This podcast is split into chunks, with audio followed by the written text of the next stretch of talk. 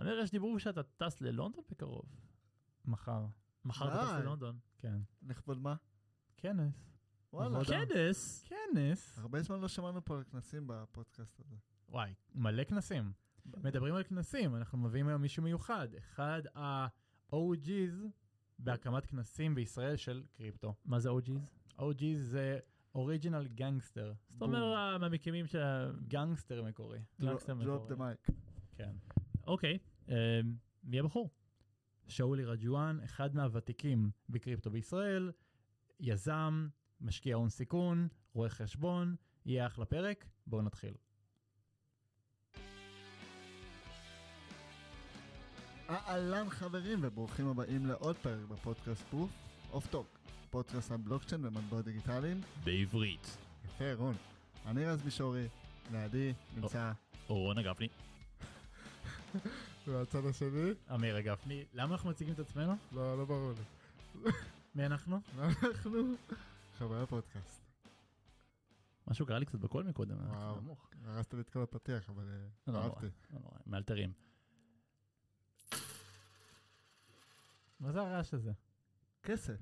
כסף! זה הזמן להגיד שכל מה שאנחנו נדבר עליו הוא לא עצה פיננסית, הכל למטרות בידור ולימוד. טוב, שאולי, כיף שבאת לפה. כיף להיות פה.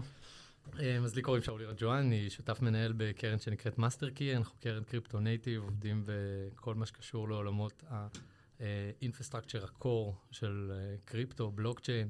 אנחנו לא קוראים לזה כל כך Web 3, אנחנו קוראים לזה קריפטו, אנחנו לא מתביישים במה שאנחנו עושים. כל דבר שהוא enable לטכנולוגיה עמוקה מאוד. אה, בצוות יש אצלנו גם צוות טכני, קריפטוגרף, Backend, DevOps.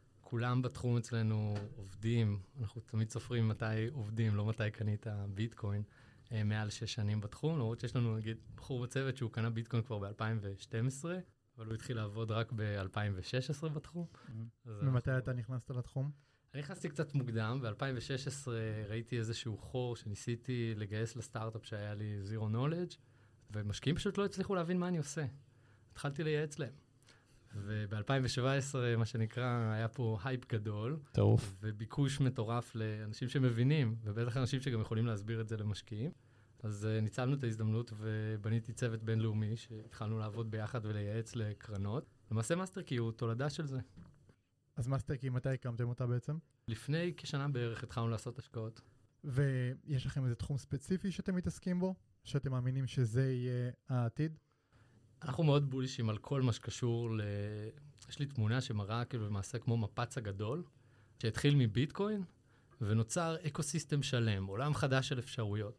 אז אנחנו בכל מה שמאפשר את הגדילה של העולם הזה. אנחנו לא מתעסקים באפליקציות או בדברים שבוא נגיד פוגשים את הממשק של רוב האנשים, אלא את הדברים שמאחורה, שעוברים לו להיות יעיל יותר, טוב יותר, מבוזר יותר, מאובטח יותר, זה גם תחום מאוד חזק. אפשר להגיד נגיד layer 1 חדשים, האם יצא לכם? או layer 2 אז layer 1 יצא לנו הרבה גם בכובע הקודם של אה, יועצים, עשינו כמעט אה, די הרבה פרוטוקולים מוכרים. אה, בקרן החדשה עד לכאן לא יצא לנו להשקיע ב-L1, גם לא ב-L2, אבל בהרבה מוצרי infrastructure של אבטחה ומוצרים שהם enablerים, בוא נגיד, אוטומציות של העברות, של, של הקוד, מ-L1 אחד ל-L1 אחר. כשאתה מדבר על L1, האם זה ספציפית, אתם מתעסקים נגיד בביטקוין או באיתריום בעיקר?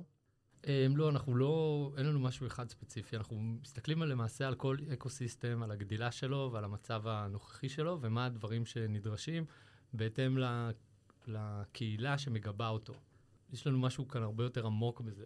שכחנו גם להוסיף על uh, דברים אחרים, נגיד uh, שרז שאל, כן. אז על ICC, כן, נגיע לזה. נגיע גם לזה, ופורום החברות, אבל אנחנו ממש אה, מתעסקים בכל ecosystem שהוא, שאנחנו רואים בו חדשנות ואנחנו רואים שיש לו גדילה. אתה הקמת, אתה מהצוות שמקים את ICC, אתם עושים בעצם את הכנסים הכי גדולים שקורים כרגע בישראל בתחום הקריפטו. כן, אז לשמחתנו, אה, גם ICC יש לזה תולדה. אה, זה התחיל כזה ב-2017-2016, שתומר וייס ואני התחלנו לעשות אירועים מטעם שגרירות הביטקוין, איגוד הביטקוין, לעשות את ההאקתונים ואת האירועים, ולאט לאט הדברים הלכו והתגדלו, וב-2019 כבר הגענו פה ל- לעשות את שבוע הבלוקצ'יין הראשון, והיו פה המון אה, נוכחים ו Scaling Bitcoin שהגיעו, וויטאליק, אם אני לא טועה, גם היה פה, ואת'ריאל, וסטארקנט שעשו גם כנס. היו פה הרבה מאוד אירועים, ועשינו פה את ה Blockchain Week הראשון.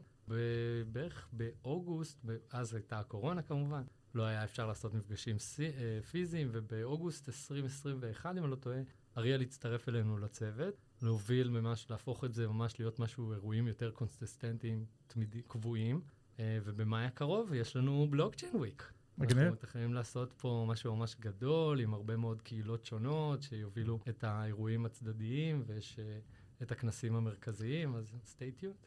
נשמע שיש הרבה אירועים אה, שקורים בתקופה הקרובה. ישראל הופכת להיות כן. כאילו סוג של מעצמה, היה לנו פה, אני לא יודע אם זה במקרה או לא, אבל היה לנו את, אה, את אה, אלי, אלי בן ששון מסטארקוור, דיברנו על הכנס שלהם, StarkWare Sessions, הבאנו את קוליידר, גם להם יש כנס, אז ממש כולם מתחילים לעשות כנסים. האם אתה חושב שישראל הופכת להיות סוג של שם דבר בעולם בתחום של הקריפטו?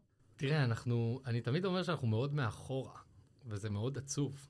אנחנו. באמת מאוד מאחורה, חדשנות ישראלית, לצערנו, לא ראינו פה הרבה שנים. סטארקוור כמובן מביאים משהו באמת גדול ובאמת uh, מדהים. אני חושב שיש פה המון פוטנציאל. אני גר פה, חי פה, ובגלל זה גם חשוב לי לקדם את ה ecosystem. ואחד הדברים שאנחנו באמת uh, אצבע מאשימה, או לא מאשימה, אלא מכוונת, של נו נו נו, באמת הרגולציה פה שהיא נורא קשה, שפשוט לא מעודדת את היזמים להישאר פה ולהמשיך לייצר פה innovation. אז בגלל זה גם קם פורום החברות, שבראשות של אה, ניר הירשמן ואיגוד הביטקוין. מה זה בעצם? למעשה בפורום החברות זה גם דוגמה קלאסית לדברים שאנחנו עושים במאסטר קי, בזרוע שלנו. אנחנו למעשה עוזרים ליזמים לממש את הפוטנציאל שלהם. אנחנו מבינים איתם ביחד דברים שיש בהם צורך, את היכולות שלהם, ואנחנו מקדמים את זה בצורה אגרסיבית. אה, עם ניר הירשמן עשינו פה את העבודה, אני חושב שזה אחד הדברים שאני הכי שמח בהם, חברה ללא מטרת רווח, שלמעשה היום מגובה כבר ב-20 החברות הכי גדולות בתעשייה, סטארקוור ופיירבלוקס והרבה אחרים, דיסנטרלאב ופיוז, כל החבר'ה שמכירים הרבה זמן את התעשייה ונמצאים פה, שמגלים את אותו קושי של אפילו להעסיק עובדים, ואתה רוצה לשלם להם שכר. וכשאתה משלם לעובד שכר, יש לך מס מעסיק. וגם יותר מזה, אתה צריך לנקות לעובד מס במקור. אתה לא יכול לשלם את זה. למה? כי אין לך חשבון בנק ישראלי, כי הבנקים לא אוהבים אותך, כי אתה קריפטו, כי אתה בלוקצ'יין, ואנחנו באנו לשנות את זה, לבוא ולהגיד, תראו, בכל תעשייה, בכל דבר בעולם, יש אנשים שלוקחים ועושים שימושים לא טובים עם דברים מסוימים. זו לא כוונת המשורר, כן? אבל עדיין, זה לא אומר שאנחנו מפסיקים להשתמש בהם. זה ממש לא אומר את אותו דבר, ואנחנו מנסים לה, להציג את זה. למעשה, פורום החברות, המטרת על שלו היא לייצר ברידג' רגולטורי, גשר, בין הרגולציה הקיימת לבין הרגולציה שצריכה בשביל לעודד פה תעשייה מקומית ענפה, ובאמת אנחנו רואים את זה, אחד, בדיוק השאלה הזאת, זה מתחבר, פורום. החברות קם שנה שעברה באפריל, באופן רשמי. על איזו עבודה של, אה, בדיוק כמו כל סטארט-אפ. מתחילים לפני זה, עובדים, עובדים, עובדים, ויש את יום רישום החברה, או אהה. שיוצאים לאור. אז זה היה כמעט, אה, כמעט שמונה חודשים לפני זה שעבדנו, ועבדנו חזק. אה, גם לגייס את התמיכה של הקהילה, וגם להבין בדיוק ולחדד. אני חושב שזה אחד הדברים שמאוד גורמים לגדילה של התעשייה פה. אה, גם התדמית הציבורית שהולכת ומשתנה, הרישיונות שפתאום התקבלו. זה היה נורא מצחיק, אבל הבנקים, נגיד בעבר, היו אומרים, לא, הלקוח הזה אמר לי ששווי השוק או גודל התעשייה פה הוא X, ולקוח אחר אמר לי Y, אז אני לא מקבל את שניהם, כי אין פה אחדות. אנחנו מייצרים אחדות בדברים, מזרים איך לגשר על זה. הבנקים והרגולטורים רואים בכם כגורם מוסמך בתעשייה? זו שאלה טובה. Uh, אני חושב שאם אתה מסתכל על הדוחות האחרונים שהתפרסמו, נגיד של הכלכלנית הראשית, ואם לפי כמה ימים ראינו את חוק ההסדרים שהולך לעבור, אתה יכול לראות שלגמרי מתייחסים לכל מש... לדברים שאנחנו אומרים. יש כאלה שעדיין לא, ואנחנו עובדים גם לפעול לתקן את זה. נגיד בנק ישראל, כן, היום רואה בנו כגוף שמייצג את התעשייה, שיודע להסביר את הדברים. Uh, אנחנו גם מגובים בתעשייה. ושיתופי פעולה עם בנק ישראל לדוגמה? כיום ובעתיד? אז יש דברים שקורים, יש הרבה דברים שקורים, כמו כל מה שקשור לנב"ת 411, שאומר את הנוהל תקין לאיך לקבל כספים שבמקורם בקריפטו. ואפשר לספר על אה, בנק שלמעשה לא עמד בהוראות וקיבל הוראה מבנק ישראל אה, שהכל תקין, וקדימה, לשחרר. מה, הכוונה בעצם? זה אומר שמישהו הצליח להכניס כסף לבנק בעצם? כי זה הקושי הגדול ש, שישראלים מתקשים בו.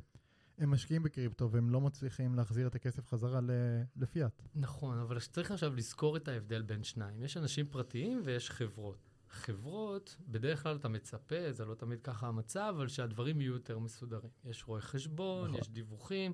אנשים פרטיים, יותר קשה להם. מספיק קשה להם להתמודד עם מפתחות ולאבטח אותם, ואחרי זה תגיד לו, לא, אבל תראה לי מתי קנית, מאיפה קנית, ושמי שקנית ממנו הוא באמת מורשה, וכדי שאני אוכל לעשות מה שנקרא מסלול הכסף. הרי מאיפה מגיע כל הפחד הזה, כן? הבנקים אפשר להגיד שאולי טיפה יותר מדי שמרניים, אבל, או מה שנקרא נהנים מהספק, אבל מאיפה מגיע הדבר הזה? יש דבר בעולם שנקרא KYC, Know Your Customer. חלק ממנו של ה-Money Laundering, AML. הדבר הזה נועד לו- למנוע פשיעה. לא רק פשיעה אה, מקומית, אלא טרור בינלאומי. שרשתות טרור משתמשות בבנקים לצורך העברת כספים, שאנשים מעלימים כספים ועוברים למדינות אחרות, וזה נועד, המטרה היא טובה. הפיקוח הוא בפועל, כאילו הרבה אומרים, מה, הבנקים חוסמים אתכם בגלל שהם מפחדים אה, שאתם תעשו להם disruption? אז אני חושב שהבנקים לא כזה מפחדים שקריפטו יעשה להם disruption. אני חושב שהבנקים בהתחלה היו מאוד מפוחדים כי זה משהו אחר לגמרי. והבינו, ב- הם מבינים גם מה הכוח של כסף. מה שרוב המקומות לא באמת מבינים מה הכוח של כסף או ניהול של כסף. יותר קל להגיד, אוקיי, זה כלום, זה משהו חולף, נשים את הראש מתחת ל- לאדמה, אבל ברגע שאתה רואה תעשיות גדולות בכל העולם, קריפטו, חברים, גייס בשנת 2022, קרנות הון סיכון גייסו מעל 30 מיליארד דולר. מטורף. מדברים על תעשייה ענקית, על תעשייה גדולה, משמעותית, מנוע צמיחה. אמר לפני כמה ימים משהו נורא מצחיק, שאתם יודעים, היום יש את כל מצב השוק, אמר אחד החברים בפורום, כל הגופים בארץ חושבים איך להוציא את הכסף, רק קריפטו מנסים להכניס את הכסף. כולם פה נורא ציונים, אנחנו בוחרים לחיות פה. אנחנו כל יום שקמים בבוקר, למעשה, בדיוק כמו משקיע, כל יום שאתה עושה את אותו דבר, למעשה אתה בוחר בזה, נכון? אנחנו כולם קמים כל בוקר ורוצים ומקימים עוד חברות ומשקיעים בעוד חברות, אבל זה קשה, כי בתור משקיע הון סיכון, שאתה בא להשקיע בחברה, כמה מאות אלפי דולרים, מיליונים של דולרים, ומחר הרגולטור המקומי יכול לשנות איזשהו חוק, ויגרום לכל ההשקעה שלך לרדת לאפס. יבואו לך המשקיעים שלך ויגידו, תגיד, מה אתה עושה? אתה מנהל כסף או שאתה מהמר? ואחד הדברים של ניהול כסף זה אחריות, ולהבין את כל התמונה. אה, שאולי, הזכרת אז שאתם אה, משקיעים באנבלרים. למשל, אני יכול להגיד למשל שקוסמוס, נכון, זה תחום של חברה שהשקעתם בהם. אז יותר מזה, קוסמוס, אנחנו צריכים להבין מה זה. כן. אז בוא נסביר מה זה. כן. איתריום קילר. זה למעשה גישה שונה לרשת להרצת חוזים חכמים, והרשת הזאת היא מייצרת אפצ'יין. זאת אומרת, כשאתה שואל אם השקענו בקוסמוס, השקענו על פרויקטים מסוימים בקוסמוס. בקוסמוס עצמם, טפנו באומנם ב-ICO, אבל זה משהו אחר, אה, באטום, אבל זה לא זה, לא זה בוא כן. נגיד. אה, זה לא בדיוק כמו איתריום. אחד הדברים בקוסמוס למעשה זה סט כלים, SDK, Software Development Kit, שנותנים למפתחים אפשרות לבנות אפליקציות אופטימליות, כאילו לבנות בלוקצ'יין אופטימלי לאפליקציה שהוא עושה. בואו נחשוב על זה, נגיד, אנחנו עכשיו רוצים לייצר משהו על איתריום, נגיד, אה, תספרו לי על אפליקציה שאתם משתמשים על איתריום. אה, נגיד יוניסוואפ. אוקיי, אז יוניסוואפ. שאתה, בואו נדבר על ההבדלים המשמעותיים, כן? כי תמיד בסוף הלקוח או המשתמש צריך להבין מה ההבדל, פחות מעניין אותו הברזלים, נכון? אם הקוד כתוב בראסט או בסולידיטי, פחות מעניין, אבל בואו נבין מה, מה ההבדל המשמעותי. אם אתה משתמש ביוניסוואפ, ואתה רוצה לעשות המרה ממטבע אחד למטבע אחר, מה אתה צריך שיהיה לך בארנק? איתריום. צריך איתריום לגז, כן. נכון? העלות של השימוש ברשת. בקוסמוס, למעשה אתה לא צריך. יש לך רשת שנקראת IBC, שלמעשה היא Inter-Blockchain Communication, מעבירה בין רשת אחת לרשת אחרת את ההמרה המיידית. אתה יכול לשלם את הגז הזה, את עלות ההמרה, בכל מטבע שאתה רוצה, שהוא על רשת הקוסמוס. יש להם מערכת תקשורת בין כל הבלוקצ'יינים השונים. זה מייצר למעשה גם resilient, זה הרבה יותר עמיד. אין לזה one single point of failure, למרות שגם לאיתריום אין, כי זה מבוזר, אבל נגיד אנחנו מסתכלים היום, רוב, רוב הנודים של איתריום, נכון, היה merge, הם OFAC compliance. זה אומר שאנשים בצפון קוריאה לא יכולים להשתמש באיתריום. עכשיו, מי צריך את המטבע החופש יותר מאנשים בצפון קוריאה. כן. האנשים שרוצים לעשות משהו, שרוצים לצאת מהמצב הקיים שלהם. בקוסמוס אין דבר כזה. אתה לא יכול לייצר איזושהי רוחביות, כי כל אחד הוא באפליקציה שלו, וכל אפליקציה או כל אפ צ'יין או כל נטוורק uh, אחר על קוסמוס הוא חיה נפרדת. הוא מקבל תמיכה מהנודים, אבל הוא חיה נפרדת לחלוטין. אז אוקיי, מעניין. אז מה, במה אתם השקעתם, במה אתם רואים את הצורך בקוסמוס אה, בשביל שיהיה עכשיו מתחרה? הרי הוא איתריום קילר, שהיא ממש יתחרה באיתריום. אז תראה, דבר ראשון צריך קהילה. צריך קהילה. הכוח הכי גדול של איתריום זה קהילת מפתחים הכי גדולה, שמוציאים חידושים, שמנסים דברים. אין מה לעשות, וזה מדהים אה, מה שקורה באיתריום. בקוסמוס אנחנו רואים גדילה מאוד מאוד משמעותית, במיוחד אחרי הנפילה של לונה, כי לונה היה מפותח על uh, קוסמוס, ועוד פעם עוד משהו חשוב להבין, בקוסמוס שאתה באמת, אני אומר, אתה עושה את ה-chain או את הבלוקצ'יין האופטימלי לאפליקציה, זה ממש אתה בוחר את המודל קונצנזוס, אתה בוחר את הפרוטוקול, אתה בוחר הכל ממש מותאם למה שאתה רוצה לעשות בשביל לעשות לו אופטימיזציה. אני רוצה להבין למה אתה אומר שהייתה גדילה בשימוש של קוסמוס דווקא אחרי הנפילה של לונה. הייתי מצפה שאולי זה ירחיק אנשים מלהשתמש בבלוקצ'יין הזה. מדהים. אז היה הרבה מפתחים על לונה. הרבה מאוד, הייתה קהילה ענקית, זו הייתה הקהילה הכי גדולה על קוסמוס. ביום שלונה נפל, אז למעשה כל המפתחים האלה חיפשו משהו אחר. עכשיו הם כבר מכירים קוסמוס, הם מכירים את ה-SDK, הם יודעים לפתח דברים. הם נשארו והביאו חדשנות לפרויקטים אחרים, או שייצרו פרויקטים חדשים. יש לך דוגמה לפרויקט מצליח על הרשת הזאת? יש לנו את סיקרט הישראלים, פרויקט לפי דעתי מהטובים, אה, היום אני חושב שהוא השמיני בגודלו בקוסמוס או משהו כזה.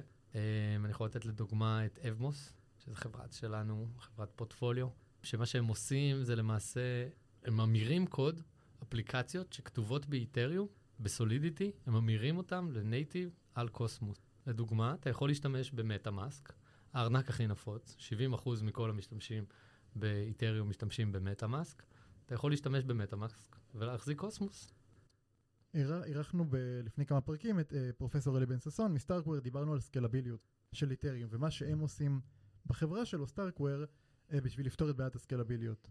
האם בקוסמוס יש את הבעיה הזאת מלכתחילה? יש שם בעיית סקלביליות או שהיא נפתרה בעצם לא צריך למצוא לה פתרונות של סקלביליות כי זה כבר בתוך המערכת. אז תראה, זו שאלה מעולה. Um, בסוף, כל משהו שאנחנו רואים של סקיילביליות, uh, בדרך כלל אנחנו רואים את זה במחיר הגז, שזה שוב של תוצאה של עומס הבלוק. נכון? ככל שיש לך יותר ביקוש לבלוק, ככה, יש לך, uh, ככה מחיר הגז עולה. וכרגע אני חושב שבקוסמוס אין מספיק שימוש שאפשר להשוות אותו לאיתריום uh, ולמחיר הגז. מצד שני, אנחנו יכולים לזכור את זה שזה הרבה מאוד רשתות נפרדות. למעשה כולן משמשות כל אחת כלייר 2 או רשת נפרדת. יכול להיות שיהיו מצב שרשתות מסוימות יהיו עמוסות יותר. ואז יצטרכו רשת שנייה לרשת הספציפית. ועוד פעם חשוב משהו להזכיר בזה, הפתרון באמת של ZK זה פתרון מדהים. צריכים לזכור שזה נורא מורכב להבין אותו. אתה מוכיח, ב-ZK אתה מוכיח על התרחשות של דברים בלי לחשוף אותם. קונספט שנורא נוח להגיד אותו, נורא קשה להבין אותו, כי הוא לא סתם וייגי כזה, הוא לא סתם עמום. אנחנו עדיין, העולם לומד מה היכולות של ZK. Um, ואני אתן על זה דוגמה. ב-ZK זה מחקר שהתחיל בסוף שנות ה-90, תחילת שנות ה-90, סוף שנות ה-80. חוקרת ישראלית אפילו הייתה חתומה על המחקר הזאת, שפי גולדווסר, אבל למעשה התחילו לדבר על זה שמחשבים יכולים לתקשר ביניהם בלי לחשוף מידע מסוים. על התרחשות של דברים. האינטרנט הרגיל, כמו שהכרנו אותו, זה היה מעניין, אבל ברגע שאתה מייצר איזשהו כבל, נכון? כי זה הדרך להעביר מידע, או פרוטוקול תקשורת מסוים בין שני מחשבים, אז אתה כבר שינית איזה משהו במימד של ה trust. וברגע ששינית את הדבר הזה, גרמת לזה שאתה יכול למעשה לאכוף את זה באמצעות הסכם משפטי. כי אם אני ורז מכירים, וחתמנו על איזשהו הסכם בשביל תקשורת, אז עכשיו בואו נח... בוא נחליט מה קורה אם כל אחד מרמה את השני, או מישהו פוגע בשני, ואם מישהו ידפוק את השני, אז נלך לבית משפט. בקריפטו, מה שיפה, זה שהרשת מייצרת את ה trust. שאתה לא צריך את זה, שכולם יכולים להיות שותפים, שכולם יכולים לעשות דברים בלי לדעת, בלי לייצר את, ה, את ה trust החדש הזה או את הפרוטוקול התקשרות, וזה אחד הדברים המהממים שקורים ב-ZK וביכולת של זה באמת לשנות האינטראקציות הווירטואליות, האונליין שלנו, בכל מימד. אפילו ברמה הזאת של היום אתה עובר, עבר, עשית עבירת uh, תנועה, אין שום צורך שיותר מדי מידע אליך יג- יצא מהמערכת. מספיק שהמערכת זיהתה שזה אתה ואתה יכול להוכיח. אחד הדברים שאני חושב שמתחיל להיות עכשיו uh, קונספט מעניין, זה כבר כל כך הרבה קוד פתוח. מי באמת קורא אותו? אוקיי, אז, אז מה עם זה בעצם? אז איך אתה, מה הקשר בעצם בין הקוד הזה ש, uh, של open source ל-ZK? שב-ZK, אחד הדברים שאנחנו, אם אתם מכירים בביטקוין, למעשה כבר מדברים על ZK הרבה מאוד שנים. גם חשוב לציין עוד משהו, אלי בן ששון, אני לא יודע, הוא בן אדם מאוד צנוע. הוא לא סיפר כנראה שהוא בקריפטו הרבה מאוד שנים, כן? כן. זה לא שיום אחד הוא בא עם הרעיון, וכאילו, אנשים חושבים, מה, הוא הקים, אה, אני שומע כבר פרופסורים אומרים, הנה, הוא הצליח, גם אני בא עם רעיון. לא, בן אדם חי, נשם את התחום הזה הרבה מאוד שנים, והקים משהו מטורף. וב-ZK בודקו הרבה מאוד שנים איך מכניסים את זה לביטקוין. כולם מכירים את בעיית הפרטיות של ביטקוין, ברגע שאני יודע לך דבר אחד, אני יכול לדעת עליך הכל, וכשאני מעביר לך כסף, אתה לא בהכרח רוצה, אני לא בהכרח רוצה שתדע עוד כמה כסף יש לי, ועם מי עוד אני מעביר כסף. יש היום uh, חברות שעושות מערכות תקשורת בין בנקים, בלי לחשוף את המידע. יש uh, מערכות שקשורות לתקשורת, שאתה יכול uh, לדעת חיובים של uh, לקוחות, כמה פעמים, כמה זמן לקוח ישתמש באנטנה מסוימת, בלי לחשוף מי הלקוח. כי אם אני אחשוף למתחרים שלי, uh, שמי הלקוח, הם יפנו אליו וינסו לקנברט אותו. מגניב, אז זה, אוקיי, זה שימושים ב-ZK בכללי, אז אתה מאוד בוליש על, על התחום, על הקריפטוגרפיה של זירו נולדג', האם אתה ספציפית גם מאוד בוליש על התחום הזה בביטקוין, בבלוקצ'יין? במיוחד בקריפטו, בגלל מה שהסברתי על, ה... על המקום שזה, בו זה זורח. למעשה, אם לפני זה זה היה בין מחשבים, היו מייצרים כבל תקשורת אחד, בקריפטו המקום זורח.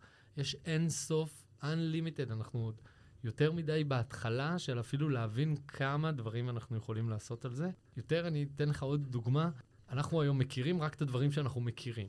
ובדרך כלל כשאנחנו חושבים על דברים, אנחנו חושבים בקונספטים שאנחנו מכירים. ולעשות משהו כל כך, שינוי פונדמנטלי, קשה עוד להבין. אתם מכירים את הסיפור של אנדריאס על הרכבים הראשונים? לא. אז אנדריאס אנתרופולוס מספר שב introduction שלו לביטקוין, הרצאה מדהימה, ממליץ בחום, הוא מספר שהרכב הראשון שהוא נוצר, איך עשו הגה? איך? כמו אוכף או משהו? לא, כן? כן, שתי רצועות עור, נכון. באמת כמו סוס. אשכרה. ולמה לקחו קונספטים שאנחנו הכרנו והטמיעו אותם. ואז אמרו, אוקיי, רצועות זה לא נוח, בואו נעבור לדבר הבא. אז מה עשו? כמו סירה. כאילו איפה שיש ידית הילוכים, היה לך מין מוט כזה ימינה-שמאלה, וככה היית נוהג. אז אמרו, טוב, זה לא נוח. בואו נעבור לדבר הבא, אופניים. עשו כידון באוטו. אה, מה זה הדבר הזה? בסוף הבינו שצריך להמציא משהו מיוחד, עגול, שיושב מול הפנים שלך, שאתה יכול ממש לנווט איתו, וככה בדיוק אנחנו נחווה קריפטו, בלוקצ'יין, ביטקוין, יישומים. באיזה שלב אתה. חושב אנחנו היום, מבחינת ההיגוי של הרכב? אז אני חושב, זו שאלה מעולה, אני חושב שבביטקוין הבנו, ביטקוין הוא מחליף את הזהב, ביטקוין הוא נכס שיחליף גם אולי את המזומן, והרבה מאוד uh, כסף.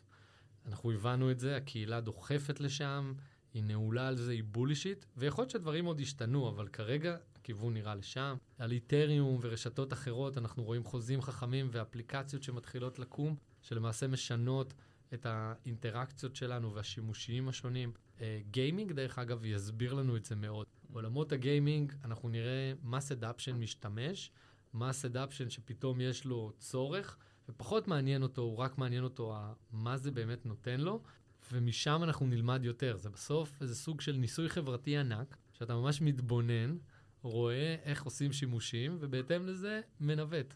מסכימים לגמרי. נראה לי דיברנו, דיברנו ספציפית על התחום הזה הרבה, גם בפרק הקודם. אז אוקיי, זה גיימינג. האם יש נושא מסוים שבדרך כלל לא מדברים עליו, בהקשר של קריפטו ושל בלוקצ'יין, שאותך גם מאוד מעניין ספציפית? לגמרי. אה, אנחנו מסתכלים על האינפרסטרקצ'ר כעולם אחר.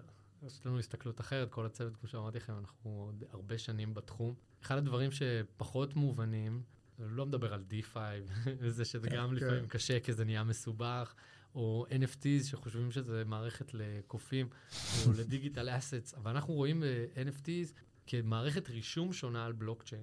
זאת אומרת, אינטראקציה רישומית אחרת. אחד הדברים שבמיוחד שונים, זה היכולת שלנו לעשות השקעות בתחום האנרגיה. אם אנחנו מאמינים שאנחנו לא רוצים one single point of failure, אנחנו לא יכולים להמשיך להשתמש לא בקריאה ולא ב-validators על AWS או גוגל, ולהעביר את הכוח הזה למישהו אחד או למשהו אחד משמעותי שיכול להחליש לנו את הרשת. אנחנו חייבים לעשות את זה באופן שהוא מבוזר, והדבר הזה שהוא באופן מבוזר, זאת אומרת, האנרגיה שהיא לא תלויה לא רק בספק תוכנה או ספק מוצר, אלא במשאב של אנרגיה שהיא לא תלויה גם ברשת החשמל המקומית. ואני אמחיש את זה קדימה. אתם זוכרים במאי 2021 מה היה עם סין? שאלה טובה. מה- מה המקרה סין. הספציפית? אוקיי. אז היה, זה היה הפעם השביעית, אם אני לא טועה, שסין הוציאה את ביטקוין מחוץ לחוק. אה, אוקיי. אז זה התחיל בזה שאמרו אסור להחזיק נכסים דיגיטליים, אחרי זה אסור למכור, אסור טה-טה-טה-טה, וכל פעם משהו אחר. אבל כל הזמן הם משכו אליהם את המיינרים. אמרו, תבואו, תשתמשו בחשמל שלנו, תשתמשו, תפתחו את הכלכלה, תבנו פה עוד מפעלים. וב-2021 הם אמרו, לכו מפה. יותר מזה, ביוני 2021 כבר התחילו להראות סרטים, איך הם עולים עם טרקטורים ענקיים ומכבשים ועולים על כל ה data centers והורסים את כל הציוד. ואם אתם זוכרים או תסתכלו על הגרפים, אתם תראו שהייתה נפילה ממש משמעותית ביכולת הקריאה של ביטקוין. וחשוב לזכור שבביטקוין קריאה זה לא רק כסף, זה ההבטחה של הרשת. נכון. ואני אתן לזה דוגמה שאני מאוד אוהב. בביטקוין חושבים שיש, שזה, אומרים בזבוז אנרגיה. אני משתגע שאנשים אומרים בזבוז אנרגיה. אני אשאל אתכם את השאלה הבאה. כמה רצים יש באולימפיאדה ל-100 מטר? בגמר. בגמר, שישה או שמונה, אם אני לא טועה. כמה זוכים יש? אחד. אחד? יפה. זה בדיוק ביטקוין. כל עשר דקות בממוצע יש בלוק. יש ריצה ל-100 מטר. רק אחד זוכה. עכשיו, מה האחד הזה שהוא זוכה? כל האחרים הם לא בזבזו אנרגיה, נכון? הם גרמו לו להיות טוב יותר. וזה בדיוק ההבטחה של הרשת. ככה זה עובד. אף אחד לא שובר שיאים באימונים. כן. שיאים נשברים באולימפיאדה, שכולם נותנים את הכי הרבה מעצמם. זה בדיוק המשל לביטקוין, ככה עובדת הכלכלה. נכון, עם זאת אי אפשר לה- לה- להכחיש שזה עדיין דורש כמויות ענקיות של אנרגיה. זה טוב. ואני אסביר גם למה זה טוב. זה מעניין מאוד שאתה חושב שזה טוב, כי נראה לי כל החשיבה העולמית דווקא נגד כל הבזבוז אנרגיה של הביטקוין. אז תראה, זו חשיבה מוטעית, ואני גם אסביר uh, משהו. עלות של ייצור קילוואט מאנרגיה מתחדשת, הוא היום בערך 25% יותר זול מחשמל פוסילי, כולל אנרגיה מגז טבעי או ממשאבים uh, פחמיים ו- ואחרים, ששם זה עוד יותר, הם עוד יותר יקרים. גז טבעי זה הכי זול, ואנרגיה מתחדשת בערך 25% יותר זולה. עכשיו, בשביל לעודד את התעשייה הזאת, מה גרם לזה? בשנות ה-90, תחילת שנות ה-2000, גרמניה נתנה סובסידיות ענקיות לכל מי שיפתח מוצרי אנרגיה מתחדשת, והיא אמרה, אני אשלם לכם את ההפרש, עולה לכם 5 דולר לייצר 1 קילוואט, השוק מוכר אותו ב-20 סנט, אני אשלם לכם 4.80, תייצרו, תביאו חדשנות. חדשנות מביאים רק לעולם שיש ביקושים. במקום שאין ביקושים, אין חדשנות. וזה בדיוק מה שגורם לביטקוין. הוא מייצר יותר משאבים, יותר טכנולוגיה, מביא יותר יזמים. דרך אגב, רואים את זה גם עכשיו, שפוטין התחיל את המלחמה באוקראינה, שנה שעברה, סגר את הצינור גז, גז טבעי לאירופה. מה אירופה בתגובה אומרת? אנחנו מעודדים אה, אנרגיות מתחדשות.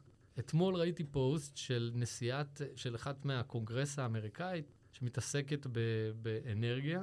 היא אומרת, 2022 הייתה השנה הראשונה בעולם שעלות האנרגיה 100 טריליון, או לא יודע, 10 טריליון או 15 טריליון, מספר, לא יודע, מגוחך כזה, היה זהה לכמות ההשקעות שנכנסו לתחום ויצירה של אה, מערכות חדשות או עידוד של מפעלים חדשים. פעם ראשונה. אז אנחנו מגיעים לשם, וזה ביקושים של ביטקוין, חברים, זה ביטקוין, זה דבר אחד, זה סגמנט אחד שהוא עוזר. רק כדי להבין, אתה בעצם טוען שה trade-off של החדשנות לעומת הבזבוז אנרגיה שווה את זה כי זה מביא חדשנות בעצם, אבל אם היה אפשר ליצור את החדשנות הזאת עם, עם טכנולוגיה שצורכת פחות אנרגיה, זה היה בסדר מבחינתך. זה היה עדיף אפילו. תראה, אני לא חושב, עוד פעם, אני חושב שבביטקוין הטכנולוגיה, האנרגיה משמשת בשביל לאבטח את הרשת. כן, לא בהכרח בזבוז. אני לא רואה בזה בזבוז, אני רואה בזה שימושיות. גם היום אם אתה תבדוק מה העלות, אנשים תמיד אוהבים את הדוגמה הזאת, אומרים, מערכת הבנקאית היא הרבה יותר יעילה מביטקוין. לא נכון. יש מחקר, יכול להראות אותו, שבדק, המערכת הבנקאית ביטקוין יעיל פי 56 מכל המערכת הבנקאית. י- יעל מאיזה בחינה? מבחינת אה, שימור אנרגיה? מבחינת העברת ערך, כמות האנרגיה שהוא צורך. אוקיי. אנשים שוכחים שבשביל לייצר בנקים, אתה צריך ברינקס, אתה צריך אבטחה, אתה צריך אלפי עובדים שנוסעים יום-יום, אתה צריך משרדים שמייצרים הרבה מאוד תביעות פחמן או תביעות אה, דריסות רגל על אדמה, וזה לא מעט, זה הרבה מאוד. זה גם מייצר כלכלה, נכון? זה מפתח גם את הכלכלה, שזה גם משהו שאי אפשר לשכוח, ויש לזה את היתרונות שלו, אבל מבחינת השימושיות, ביטקוין טוב כמו שהוא, ואני חושב שזה מדהים מה שקורה שם, אבל חוזר לנקודה שבשביל להביא חדשנות לתחום, אתה צריך להביא ביקוש. אם אני עכשיו אחזור לזה שיש מספיק אנרגיה בעולם, אנחנו מייצרים יותר אנרגיה ממה שאנחנו צורכים, מחיר האנרגיה ירד, וגם ככה אף אחד לא יצטרך להביא חדשנות, כי גם ככה זה זול. אבל ברגע שזה נהיה יקר, כי המשאבים, כוח אדם, כי המדינות לוקחות מיסים על, ה- על הפליטות, כי דברים אחרים גורמים לייקור של המערכת, וגם כי יש סעודים שנהנים מזה מאוד טוב, אז זה מביא מקום לחדשנות. והמקום הזה, הפוטנציאל העסקי הזה של הביקוש והיכולת להשתמש, מביא הרבה, הרבה מאוד ערך לתחום. אחלה שאולי, תודה רבה, זה היה מרתק. יש, אה, יש לך כמה דברים שאתה רוצה להגיד לפני שנסיים פה? כן, קורא ליזמים ישראלים, בואו, תלמדו, אם יש לכם שאלות, המטרה שלנו ב MasterKey באמת לעזור, לתמוך, לעודד, אה, להביא לכם תובנות במהירות, אה, ונשמח אה, כמובן להיות פה. איפה נוכל למצוא את MasterKey ברשתות? איפה נוכל למצוא אותך? אותי אני מסתובב בכל אירוע כמעט שקורה, מאוד זמין. MasterKey יש לנו אתר, masterkey.vc, אפשר להגיע אלינו משם. כל הרשתות אנחנו זמינים, פייסבוק, לינקדין, טוויטר. טוב, תודה רבה שאולי. תודה לכם. שאולי רג'ואן היה איתנו הפרק, ודיברנו על כמה מהפעלים שלו בתחום הקריפטו בארץ, בין היתר MasterKey, שהיא קרן השקעות שנפתחה לא מזמן, שהיא בעיקר משקיעה בתשתית, ICC, שמארגנים את מרבית הכנסים של קריפטו בארץ, פורום החברות שעוזרת ליזמים לממש את הפוטנציאל שלהם, איך הם עוזרים ליזמים למשל לפעול מול הבנקים. משם המשכנו לקוסמוס, אה, והפרויקטים שעליהם הם משקיעים בקוסמוס. איך זה יכול להיות שדווקא נפילה של לונה, שנכתבה על קוסמוס, הובילה לצמיחה מטורפת בקוסמוס. נגענו ב-ZK, Zero Knowledge, תחום שאנחנו מתמקדים בו די הרבה העונה. ולסיום, נגענו בתחום האנרגיה. האם Proof of Work הוא מנגנון בזבזני או לא בהכרח? האם הוא נחוץ? והאם הביטקוין הוא יעיל מעל פי 50 מהמערכת הפיננסית הנוכחית? מעניין. אנחנו היינו Proof of Talk, פודקאסט על בלוקצ'יין ומטבעות דיגיטליים בעברית. כמו תמיד, אני רוצה להודות לאמיר גפני ורז מישורי שהיו איתי הפרק, ותודה לכם שהקשבתם. נשמח אם תעשו לנו לייק לעמוד הפייסבוק, Proof of Talk, ואנחנו נתראה בפרק הבא. לילה טוב.